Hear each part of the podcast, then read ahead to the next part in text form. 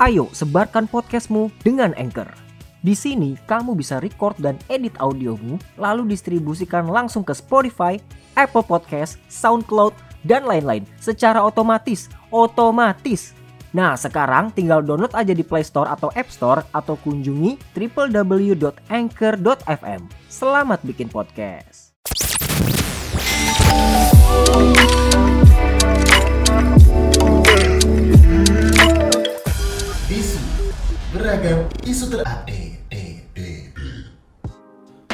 Selamat datang kembali di Bisu di hari puasa ketiga ini teman-teman apa kabar semua?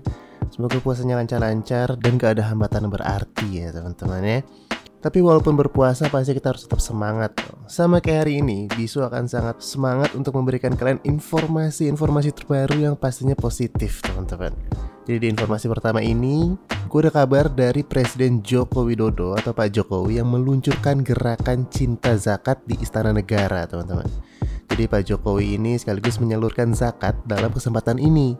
Jadi dalam sambutannya di Istana Negara, Jakarta Pusat pada hari Kamis 15 April 2021, Jokowi ini mengajak pejabat menunaikan zakat. Dan zakat ini dapat disalurkan kepada lembaga amil zakat resmi. Jadi di keterangannya itu Pak Jokowi bilang kalau saya juga mengimbau seluruh pejabat negara, BUMN, perusahaan swasta, kepala daerah di seluruh tanah air untuk menunaikan zakat melalui amil zakat resmi untuk membantu mewujudkan kesejahteraan dan memberikan keberkahan kepada kita semua. Dan pesan Pak Jokowi juga zakat yang dihimpun Badan Amil Zakat Nasional atau Basnas ini dipergunakan sebaik mungkin, terutama untuk membantu sesama yang kesulitan akibat pandemi COVID-19. Dan Pak Jokowi juga menjelaskan kalau saat ini zakat dapat diserahkan secara online teman-teman Jadi zakat ini adalah kewajiban umat Islam untuk membantu sesama Jadi semuanya akan lebih dipermudah lagi nih teman-teman dan sampai akhirnya di akhir acara, Pak Jokowi dan Wakil Presiden Ma'ruf Amin menyerahkan zakat di meja yang disediakan. Dan Pak Jokowi menerima tanda bukti penyerahan dan setelahnya giliran para Menteri Kabinet Indonesia Maju yang menyerahkan zakat.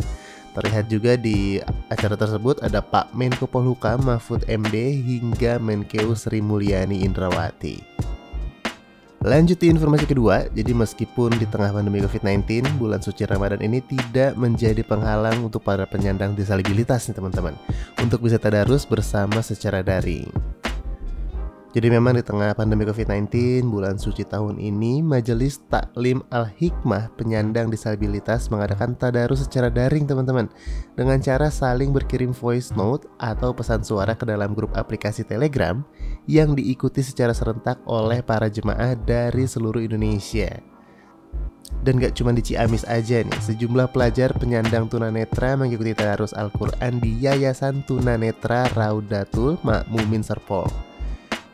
Jadi di sini diwajibkan para pelajar untuk menghatamkan Al-Quran minimal satu kali teman-teman dan efek dari semangatnya untuk membaca Al-Quran ini daripada teman-teman disabilitas Anchor adalah platform podcast gratis yang bisa kamu pakai untuk merecord dan edit audio podcastmu. Setelah itu, kamu bisa distribusikan langsung ke Spotify, Apple Podcast, SoundCloud, dan lain-lain. Kamu cuma tinggal download di Play Store atau App Store atau kunjungi www.anchor.fm. Selamat bikin podcast. Jadi di bulan Ramadan ini pesanan Al-Quran untuk tunanetra meningkat nih teman-teman Yang didominasi oleh pesanan sejumlah perusahaan Untuk didonasikan kembali ke Yayasan Tunanetra di Indonesia Wah ini keren banget teman-teman ya Semangatnya menyambut bulan suci Ramadan Dan untuk menjalankannya dengan sebaik-baiknya ini patut kita tiru dan kita apresiasi teman-teman Dan kabar baik yang terakhir ini datang dari Malang di mana Pemkot Malang telah memberikan sinyal nih untuk digelarnya sekolah tatap muka dan pelaksanaannya akan dimulai tanggal 19 April 2021 ini teman-teman.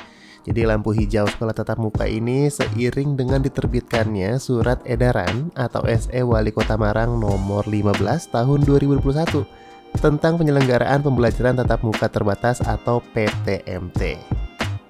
Jadi Kepala Dinas Pendidikan dan Kebudayaan Kota Malang, Suwarjana, ini bilang kalau sekolah tatap muka akan berlaku untuk jenjang pendidikan usia dini nih teman-teman, yaitu SD dan SMP di Kota Malang.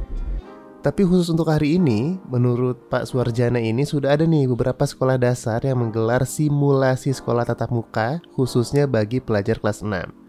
Jadi Dinas Pendidikan dan Kebudayaan Kota Malang sendiri telah meminta lembaga pendidikan untuk menyosialisasikan dimulainya sekolah tatap muka kepada orang tua. Dan Suarjana ini juga bilang kalau para wali murid sangat antusias nih dengan keluarnya SE terkait sekolah tatap muka ini dan para guru juga memang menghendaki sekolah tatap muka untuk segera dimulai. Jadi nantinya itu akan jadi nantinya itu kegiatan pembelajaran ini tuh bakal dibatasi sebanyak 50% aja teman-teman. Dan sisanya tetap melaksanakan sekolah jarak jauh, jaga jarak dan juga diberlakukan yakni 1,5 meter. Dan untuk hari dan juga jam pembelajaran ini ditentukan oleh masing-masing satuan pendidikan. Oke, kalau gitu sampai sini dulu besok kali ini. Semoga info-info tadi bisa bikin kalian makin positif di bulan yang positif ini, teman-teman ya. Sampai ketemu lagi di episode selanjutnya.